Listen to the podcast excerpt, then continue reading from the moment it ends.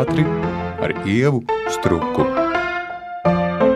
Raidījuma šņurbērniņa viesis šodien ir Mihaila Čehova, Rīgas Krievu teātra aktieris Maksims Busels. Sveiks, Maksim! Sveiki!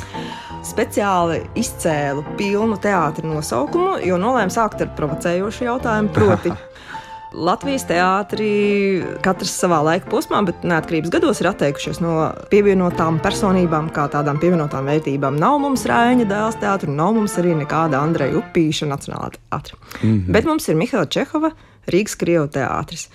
Par Mihailu Čehovu es pajautāšu vēlāk. Bet, ja Rīgas starptautiskajai lidostai šobrīd vajadzētu piešķirt kādas personības vārdu, ko jūs ieteiktu? Jo gan arī visā Jā. Eiropā lidostām ir vārdi Rīgai nav, it kā mums nebūtu personība. It kā jā, o, labs jautājums. Bet šeit, ziniet, atkarīgi no tā, kura brīdī nāca šī ideja. Tad varbūt iziet no tā, tur vai nu kāds atvainojas, ir mīlis, mm. varbūt piedzīvis. Man, protams, uzreiz nāca prātā kaut kas vairāk romantisks, varbūt kāds tēls no literatūras. Mazais princis nav par mums. Nē, nav mūsu tēls. Bet, to mēs nevarēsim. Jā, bet kaut ko uz to virzienu. Nu jā, man patīk Rainis, bet Man jāpadomā, putekļi. Nu, tāpēc, ka kaut kas tāds pagaisu, jā, jā pagaisu kaut kas, kaut kas ar putekļiem saistīts. Ļoti laba ideja. Citu, es tiešām personībām domāju, man neienāca prātā putekļi.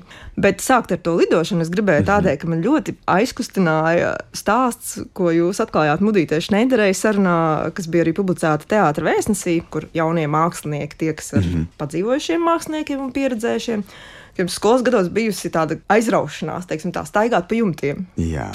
Es varētu iz dzīves pajautāt, vai jūs joprojām to darat, un tad mazliet uh, uz to paskatīties no tāda mākslinieckā. Bet vai sanāk arī šī dzīves periodā?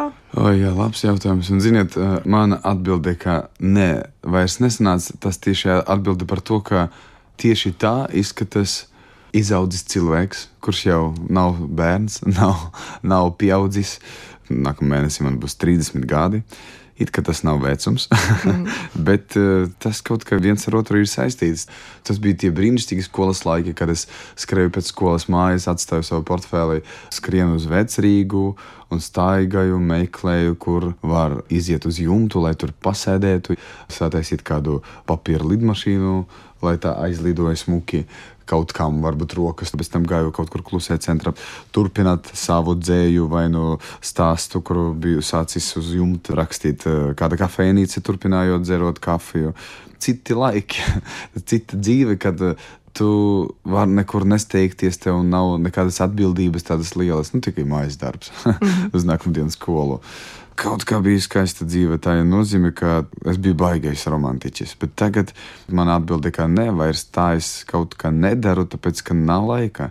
Jāskrien, mm, jādzīvo tādu pieaugušu dzīvi, ir atbildības, ir darbs, ir mm, teātris un tā tālāk mazliet skumji, bet tāpēc, es pa brīžiem aizdomājos par to, kā arī pie klaviera. Es ne tik bieži varu apsēsties, lai kaut kā pamūzicētu. Es to daru, tāpēc pa brīžiem vēlos naktī. Kas ir arī slikti, jo jāceļas no rīta, un es domāju, ah, nu kāpēc, Maksims, jau kuru reizi tu vari aiziet ātrāk gulēt, bet, nu, bet gribas veltīt arī kādu laiciņu, lai pasēdētu, paspēlētu kaut ko. Tāpēc, ka tā tu atmodini savas dvēseles stīgas, varbūt. Jā. Ja šodien, pēc šīs intervijas, jūs dotos nevis teiksim, uz mēģinājumu teātrī, bet uz kādu no Rīgas jumtiem, kurš tas būtu, uz kuru jūs atgrieztos, kas būtu redzams no tā jumta? No tā jumta, starp citu, pagājušajā gadā es mēģināju tur atnākt, un tur viss jau ir ciet. Tas arī ir mm. mazliet simboliski. Dažās jumtas no manas jaunības jau ir ciet. Šis ceļš jau ir aizmirsts. Bet, ja es būtu spējīgs, tas būtu šī jumta, no kurienes es redzu vistuvākais Basteja Kalns parks, opera, jo tas bija kādreiz Otto.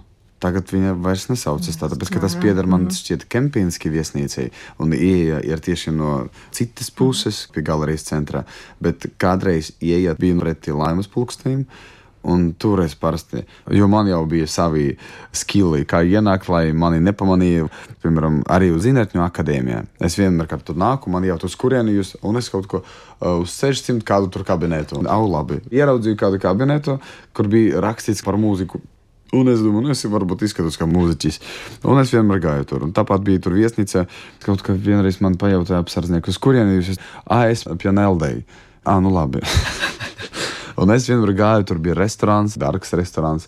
Un tur starp restorānu un virtuvi ir tas kapnis, kur parasti visi darbinieki smēķēja. Un tur izēju šo lielu, skaistu jumtu. Viņa ir tāda plaša. Un man tur patīk pavadīt laiku, kādreiz vasarā. Un jā, es labprāt uz šo jumtu izietu tagad. Bet, transponējot, protams, šo jautājumu uz mākslu un uz teātri, faktiski es gribēju pajautāt par to, vai aktieris uz lomu var paskatīties no augšas.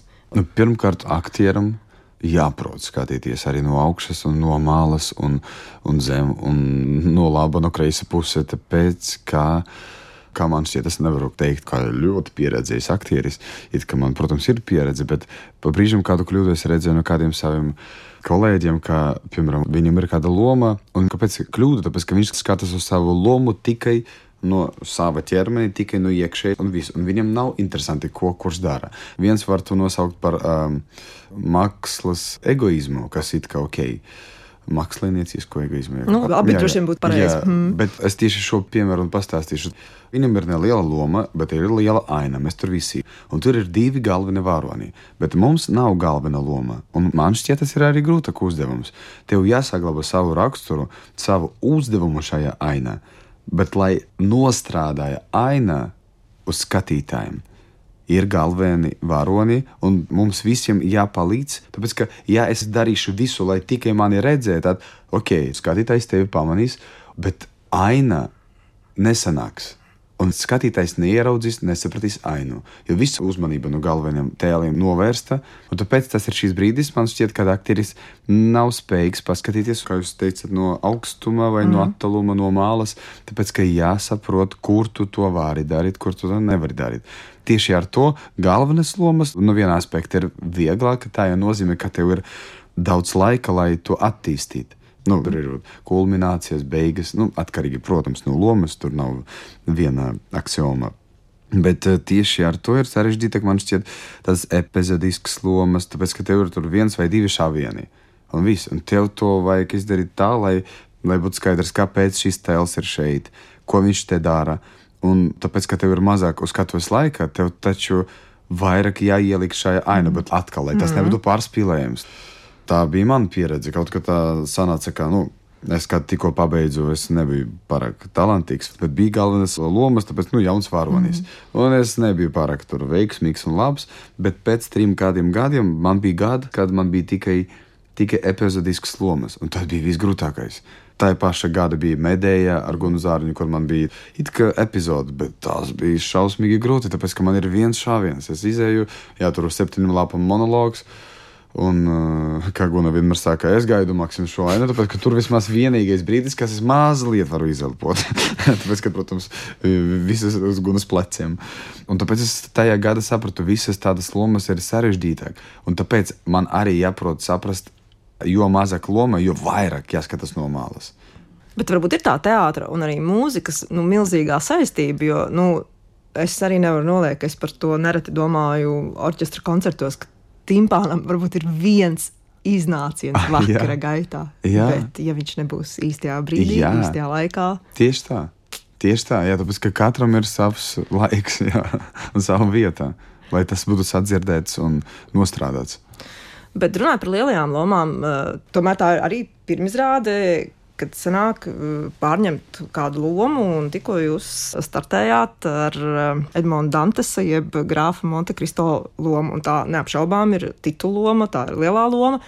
Bet uh, es gribu arī iemest tādu intrigu skatītājiem. Es ceru, ka visi vēlēsies arī apskatīt un redzēt, kā Maksims to dara. Bet šī galvenā loma kaut kādā ziņā ir sevišķi izrādes pirmajā daļā nu, tā kā tu esi klāt, bet tu nepiedalies, jo tu vēro un akumulē sevī to enerģiju, kas pēc tam būs vajadzīga, lai risinātu šo attiecību stāstu. Un, protams, tas ir stāsts par atriebību, un stāsts par atdošanu vai par nespēju piedot. Jā, jā tieši un, tā. Un kā ir piemēram šādos darbos, kad saproti, ka tu esi tas galvenais, uz tevi visi skatās kā uz galvenās lomas tēlotāju, bet vienlaikus tā ir tāda nu, iekšēja aktivitāte, bet ārēja faktiski pasivitāte. E, jā, es saprotu jūsu jautājumu. Mm. Atkal paldies. Man patīk šie jautājumi, tāpēc ka tas arī ir tas, par ko es pats pa brīžam domāju. Bet šeit ir tā, ka pirmā daļa viņa tiešām, es teikšu tā, fiziski ir pasīva. Tikai fiziski, jo sākas izrādē, ka es pusstundu varbūt sēžu uz vietas. Es arī iepriekšējā izrādē, starp citu, Grafā Montekristo bija daži aktieri, kuri tur mainījās arī, un es viņam biju pateicīgs. Es pienācu pēc izrādes un teicu, o, forši, man tas patīk. Tu to tik spēcīgi nospēlēji, ka man neko nebija jādara. Mm -hmm. Viņš vienkārši ielika šo domu šeit man. Un tāpēc šī pirmā pusstunda man nav jāgatavojas kā epizodiskai lomai, jo man visu jānodzīvo aiz skatuves, visu sabūvē iekšā, lai jau ar kaut ko iziet.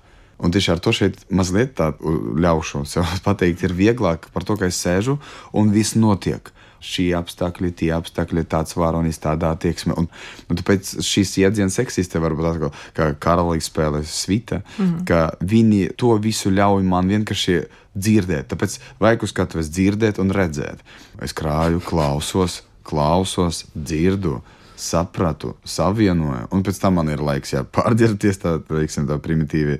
Un es jau izēju, ka šīs grafs, kurš uh, grib. Uh, Latvijas kā būtu mistīt. Atriept. Atriept, jā. paldies. Jā. Tādus mm -hmm. vārdus jā, nekad mm -hmm. neizmantoju. Bet, ja godīgi teikšu, jā, šī loma, kad uh, atnāca, vispār, ja tā ļoti atklāti un godīgi, man nekad pārāk nepatika šis tēls. Nekad. Un tāpēc, kad uh, man arī atnāca šī ziņa, ka man būs jāspēlē, Es domāju, o, interesanti ar to, ka man šis tēls nepatīk. Tieši ar to tas ir interesantāk. Mm -hmm. Tāpēc, ka, lai loma izdevas, nav svarīgi, kāds ir šis cilvēks un šis tēls, vai katrs šajā tēlā, kāds var pateikt sevi. Tāpēc, ka jā, mēs varam kaut kādas uh, savas īpašības savienot ar kādu tēlu, bet uh, man šķiet vissvarīgāk mīlēt šo tēlu, lai viņu saprast. Jo savādāk tu to nenospēlēsi. Un it kā es to sapratu, tāpēc, ka tas ir par atriebību, Es vienkārši cits cilvēks, esmu kā Maksims. Nekad atriebība vispār nav tas, uz ko ir jēga tērēt enerģiju. Tāpēc bija šīs ceļš, lai saprastu, cik liels un smags un dziļš var būt, teiksim, maigu vārdu apvainojums, lai pēc tam savu dzīvi veltīt atriebībai. Un lai pēc tam arī saprastu, ka šīs atriebības dēļ tu esi zaudējis visu cilvēcisko, kā tu vairs nesi spējīgs mīlēt. Un tas ir grūti, un tāpēc man šī loma nu, bija grūti ar to, ka man negribēs ļaut mm -hmm. iekšā. Eh, lai tāda enerģija ienāca. Bet atkal tas bija interesanti, tāpēc ka tas ir profesija, tas nav mm -hmm. traku nams.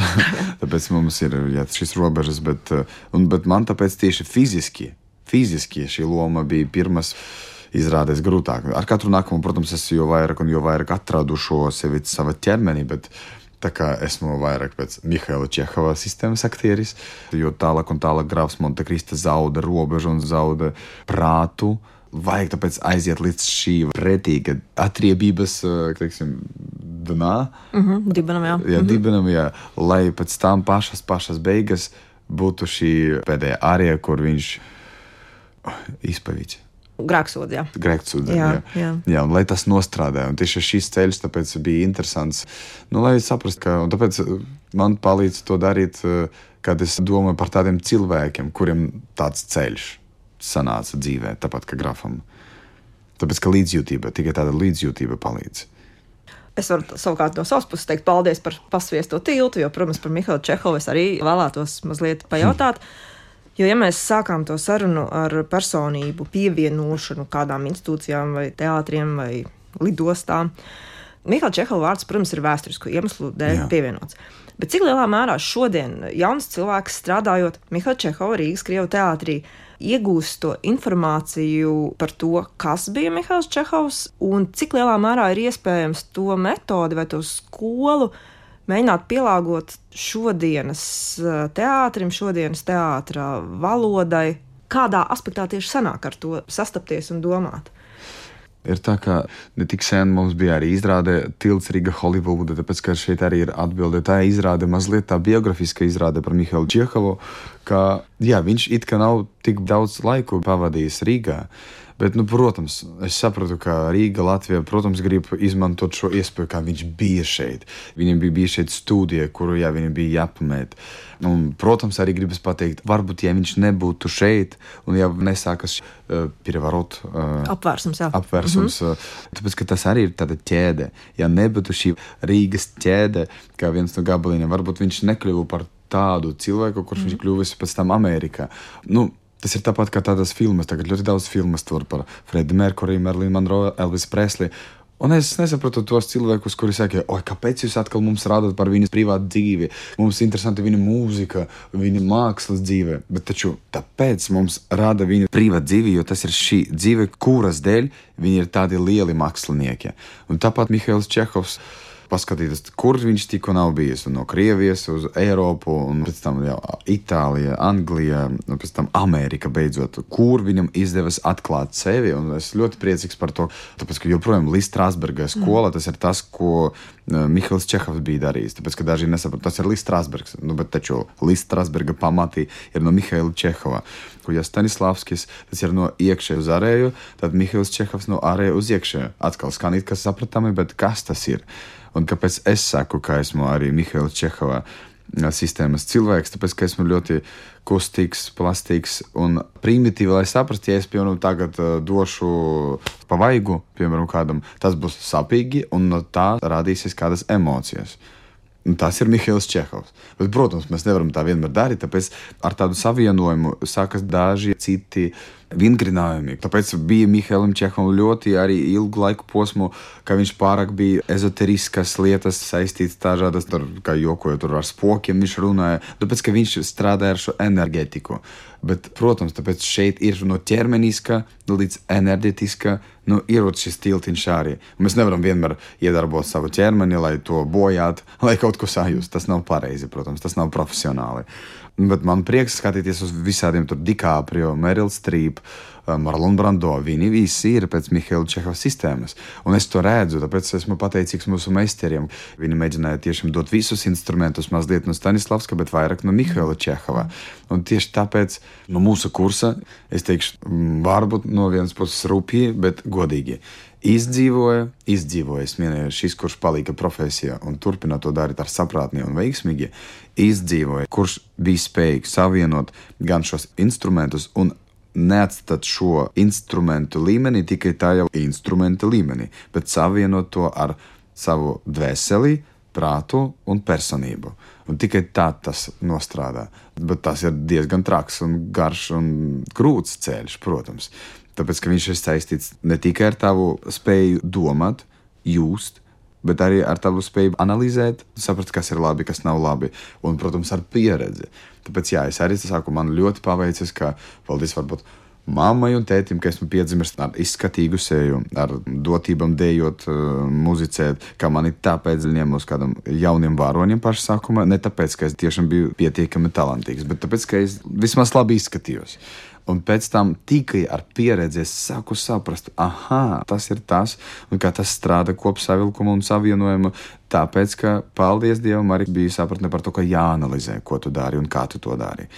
Un es piekrītu tiem uh, latviešu teātras kultūras pārstāvjiem, kuri uh, nebija piekrituši ar mūsu meistariem no Krievijas, kuriem ir Jelena Čornē un Igors Konēvs. Tāpēc, ka viņi ļoti cenšas mūsu meistari dot mums tos instrumentus, bet tas bija pašsaprotami, ka arī nedrīkst izmantot tikai instrumentus.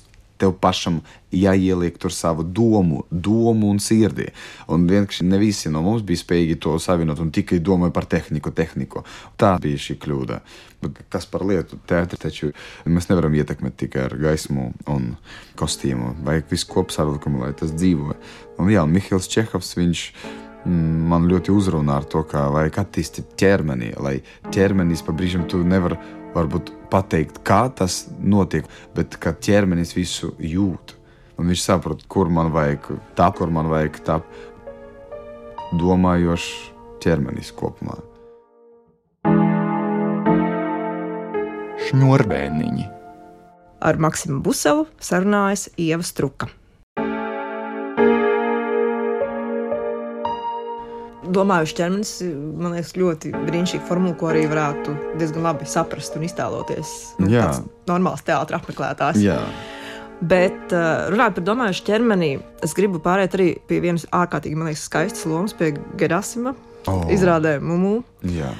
Un uh, pat pēc visa tā ārējā, ņemot vērā, ka bija šīs ļoti lielās lēles, kas tika izmantotas uz skatuves, un ka tā lēle bija aktieru dubultnieks un tāds, kas, protams, pievērš lielāku uzmanību, tu skaties uz lielāku objektu, bet, nu, mēģini ieraudzīt, protams, arī, ko dara aktieris. Bet aktieris ir noslēpts, tik bieza grima un, un parūkas, ka tu trīsreiz izlasi programmā, vai tiešām tas ir Maksims Pusels, bet nu, tad tici, ka tā nav kļūda. Jā. Šīs izrādes sakarā, protams, tika piesaukts Bunraku, leļu Jā. sistēma un tā tālāk. Viena lieta ir tas, ko dara Lēla, bet kā aktieris, vai šī arī nebija viena no tām lomām, kur ļoti noderēja šī Mihaila Čehova Jā, metodikas? Jums prasības. taisnība, paldies par to, ka jūs atcerēties šo uh, mumu izrādi, oh, kā man tas pietrūkst. Viena no manām mīļākajām bija, un godīgi sakot, mana pirmā loma, no kuras es ļoti baidījos. Nu, es ļoti baidījos, tāpēc ka Tā bija pirmā mana loma, kur es nesmu jauns varonis. Šeit bija, es tā teikšu, mana pirmā rakstura loma, par ko es arī pateicīgs Skairišam, ka viņš uzticēja man, mēģināt darīt no manis citu. Nu, tāpēc, ka es nebiju dzimis būt Gerāsimam, tāpēc mēs visi smējāmies. Gerāsims, Busels, visjaunākais, kā, kā, varbūt tas ir kļūda. Un mēs atceramies, pirmā lasīšana, mēs atnācām un es uzreiz viestur, paldies, bet es gribu saprast, ja jūs man neatbildēsiet, kāpēc es es nevaru saprast, nu, kā sākt. Es nevaru saprast. Un viņš man teica, ka viņam bija vajadzīgs aktieris, kurš spēja, tāpēc, ka viņš jau strādāja ar mani karali līri, un es sapratu, ka mums tur sanāca kontakts, tāpēc, ka viņš man tur palielināja lomu, tur bija divi tēli, kurus viņš apvienoja viena mana loma, un tas bija jau interesantāk spēlēt, tur bija ļoti tāds skaidrs konflikts man pašam tēlā, un viņš teica, man bija vajadzīgs aktieris, kurš eh, būtu spējīgs jūst ļoti skaļi, skaisti un dziļi. Tāpēc, ka viņš teica, būs fiziskais gerāsims, tas ir fiziskais. Un ar to bija doma, ka tiešām viņš nav spējīgs, tāpēc, ka tas ir par tiem laikiem, kad uh, visi bija. Dzimcilvēki. Jā, dzimcilvēki, jā. Mhm. jā, paldies. Un tu nevari nevienu gājienu, nevienu kustību darīt bez jebkādas kontroles. Un šī zīme bija patiesi nu, superīgi izdomāta, kā liela lēle, kura var darīt tikai tad, kad kāds viņu virza uz kaut kurieni. Un tāpēc bija fiziskais gerāsims, un viņam bija vajadzīgs dvēsele gerāsims. Es biju gerāsima dvēsele. Un tāpēc tur bija tie skaisti tēli, kurus mēs kopā izdomājam. Piemēram, kad gerāsims fiziskais ej mazgāt grīdu, dvēsele gerāsims ej mazgāt Tatjānu, tāpēc ka viņš mīl viņu. Bet viņš nevar to izpaust, tāpēc ka tas nav iespējams. Un tāpēc esmu tik pateicīgs par šo izrādījumu par kairīšu uzticību, un es vienkārši es mēģināju nerunāt, es atceros, mēģināju, lai nedzirdētu, saprast, kas tas ir. Arī fizika saka, nostrādāt, man izcīnījies mans kakls vienmēr uz priekšu, tāpēc, ka es gribu ieraudzīt. Esmu, esmu liels, tāpēc esmu diezgan aktīvs. Bet tur viņam jābūt smagam, un es mēģinu saprast, kas ir šis lielums un smagums. Un tāpēc šis kopsavilkums, ka cilvēks ar tik lielu sirdi, ka viņš var visu samīļot ar savu uh, labsirdīgumu, bet viņš ir nu, gandrīz bez smadzenes. Un tāpēc kas šeit kā tā nostrādā, kāpēc beidzot bija tāds viņam risinājums. Viņš izglāba mūmu, kā viņam šķiet, no šīs dzīves, kura bija viņam. Un tad arī visiem jautājums, kāpēc pašas beigas viņš aizgāja prom. Viņš to izdarīja un aizgāja prom vispār. Ar kājām viņš gāja līdz Maskavai, tur bija rakstīts. Tas nav gandrīz iespējams. Un mūsu mūsdienīgie smadzenes nu, tiešām tam nevar saprast, kas ir mēģināt, ka tu nevari atļauties padomāt, vismaz padomāt, kā tu gribi. Es tagad šeit sēžu, es gribu iedzert ūdeni. Es mēģināju dažas dienas sēdēt un nedomāt, kā es gribu. Nu, tas nav iespējams. Nu, nav. Tāpēc Kairīša arī ļoti gudri izdarīja, izrādīja. Viņš ne par to taisīja, tāpēc ka tas nav iespējams mūsdienīgam cilvēkam to kaut kā ielikt galvā. Mēģini nedomāt, kā tu gribi domāt, tāpēc ka mēs varam domāt, ko mēs gribam. Bet viņš mēģināja parādīt šo dvēseles jautājumu, kā ir dvēsele, vienkārši ir citi apstākļi. Un tāpēc, jā, runājot atkal par Mihaila Čehova sistēmu, tur ļoti palīdzēja tieši tas, ka es sevi ieliku tajā ķermeņa formā un savienojot, protams, arī ar tām domām, kāds viņš ir, kā viņš uzvedas ar Tatjānu vai ar Mumu ka viņš nevar tik ātri domāt. Viņš vienkārši to uztver caur sirdi. Viss tik ir caur sirdi, tāpēc viņš tik daudz var jūst. Jā, man tas bija milzīgs darbs. Tāpēc man bija jau gods, ka tas bija nominēts uz gada izrādi. Protams, tas vairāk paldies Kairišam, tāpēc, ka tur pareizi jūs sakat, ka nevar saprast, kas tur ir aiz tā grima, bārda parūka. Bet, uh, jā, es par to vispār nedomāju. Pa brīžam, ja es aizmirstu par to, man bieži saka, viesturs, Maksis, paceļ galvu, tā neko neredzam, vismaz tavas acis gribam redzēt. Jā, tā bija brīnišķīga pieredze. Man bija svarīgākais, kā uz skatītāju tās nostrādā, un viesturs, kā gudrs, un izglītots un gaumīgs režisors, bija apmierināts. Cik es sapratu, man tas bija vissvarīgākais. Nu, es varu tikai publiski apliecināt, ka ņemot vērā profesionālos apstākļus, ka tomēr sanāks skatīties ļoti daudz izrādes.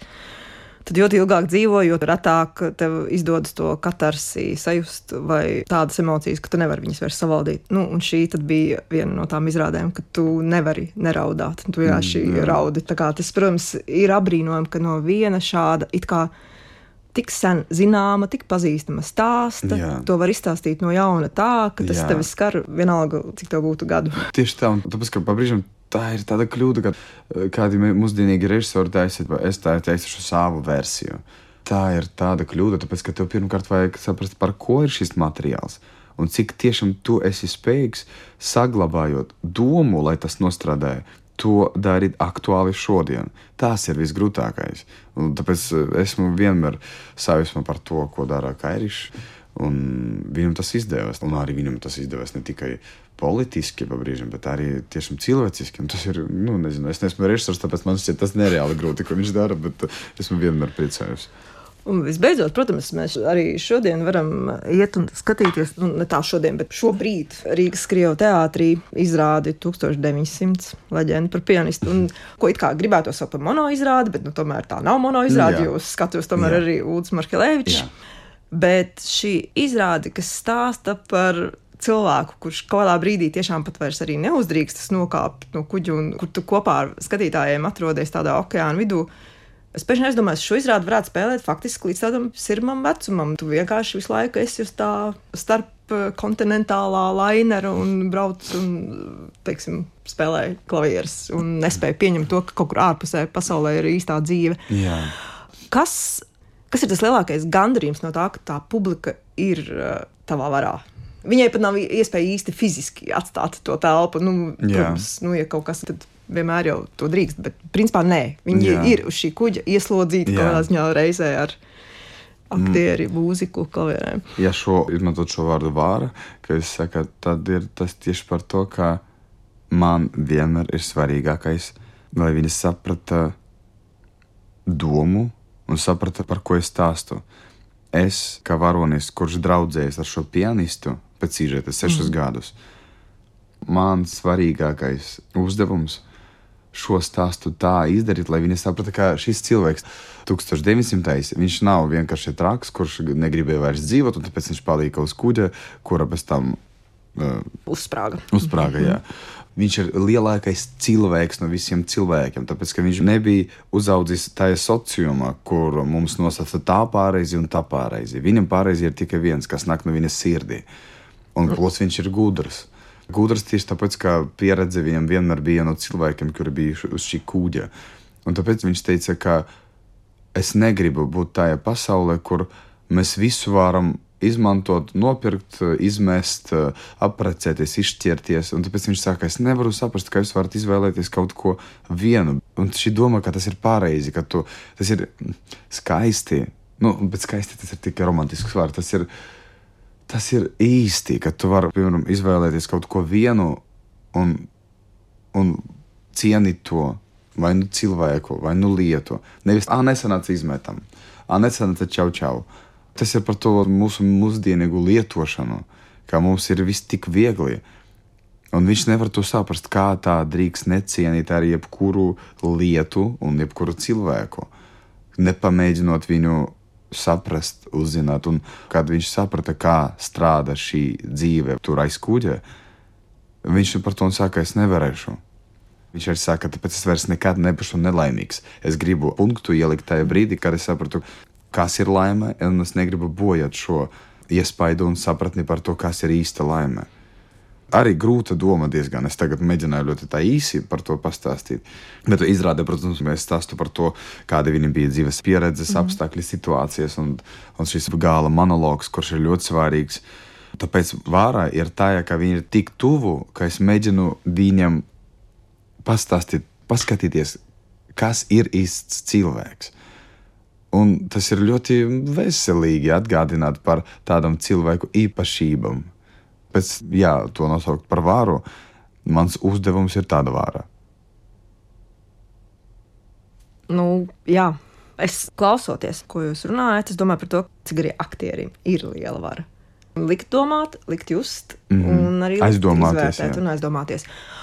Un pašā noslēgumā es gribu pajautāt, mēs vienmēr runājam par to, ka atgriezeniskā saite ir sākot ar kritiku, beidzot ar skatītājiem, vai otrādākā secībā bet vai pašam no sava darba no tām lomām un viņu izdomātām domām var teikt, ka ir atgriezeniskā saite pašam no sevis, nu, kad nospēlē kaut ko tik grūtu, tik sarežģītu un neatkarīgi no tā, ko par to teiks citi. Bet... Jā, es sapratu, ka tiešām pateicoties tiem tēliem, kuri man bija, viņi atklāja mana prāta kaut ko jaunu. Un tieši tā ir arī attīstība. Tu vari vienmēr sakt, viss ir superīgi, esmu visgudrākais, vislabākais, man neko nevajag, man nevajag ne pie psihoterapeita, ne pie kā. Es visu sapratu, visu zinu. Parasti tā saka tie, kuri sēž savā kastē un savā pasaulē, un neesat atvērti attīstīties un dzirdat kādu citu viedokli, citas domas uh, un izglītoties. Katra loma tas ir tāpat kā atvērties jaunam pasaulēm un izglītoties. Tāpēc mani tēli, tāpat kā cilvēku, tu satiek dzīvē cilvēku, tas ir tāpat kā jauns tēls, kur man vajag saprast un uzzināt. Es sāku ar šo cilvēku iepazīties. Un mēģināt saprast, kā viņš domā, kāpēc viņš tā domā, kas viņš ir, kāds tas par cilvēku, vai nu tas ir Hamlets, vai nu Julieta, vai stipra un liela personība. Un tāpēc tie tēli, kā Hamlets, viņi ir tik slaveni, tāpēc ka uh mhm. -huh. tur ir tāda personība, uh, Un uh, tā tu un attīsties. Tāpēc, jā, man tā ir. Kad es iedziļinājos Gerāsima grāfā 1900. stāstā, jā, dažas lomas, kuras bija, es tiešām sāku domāt kā viņi, un ar to es sapratu, o. Tāpēc arī ir tāda dīvaina lieta, ka tu, piemēram, spēlējot kādu lomu, kad tu, piemēram, iegrimsti kā Gerāsima, tu saprati, ka dzīve pie tevis sāk nākt arī tādas situācijas Un tas ir loģiski būtība. Tāpēc bīstami pa brīžam sāka tur spēlēt kādas lomas, jo nu, šeit vajag ļoti vienkārši akurāti ar to visu un ļoti gudri analizējot to visu un saprast, kur ir stops, kur ir sākums un beigas. Jā. Maksim, paldies. Es saprotu, ka nepaies ne pāris gadus, teikšu, vai mēs nevarētu vēl kādu lielo interviju, bet šobrīd ir jāliek punkts. Un es esmu ļoti pateicīga. Šņobēniņos mans viesis bija Mihaila Čehova, Rīgas Krievu teātra aktieris Maksims Busals. Paldies, tev, Maksim! Lielas paldies! Par teātri ar Ievu Struku!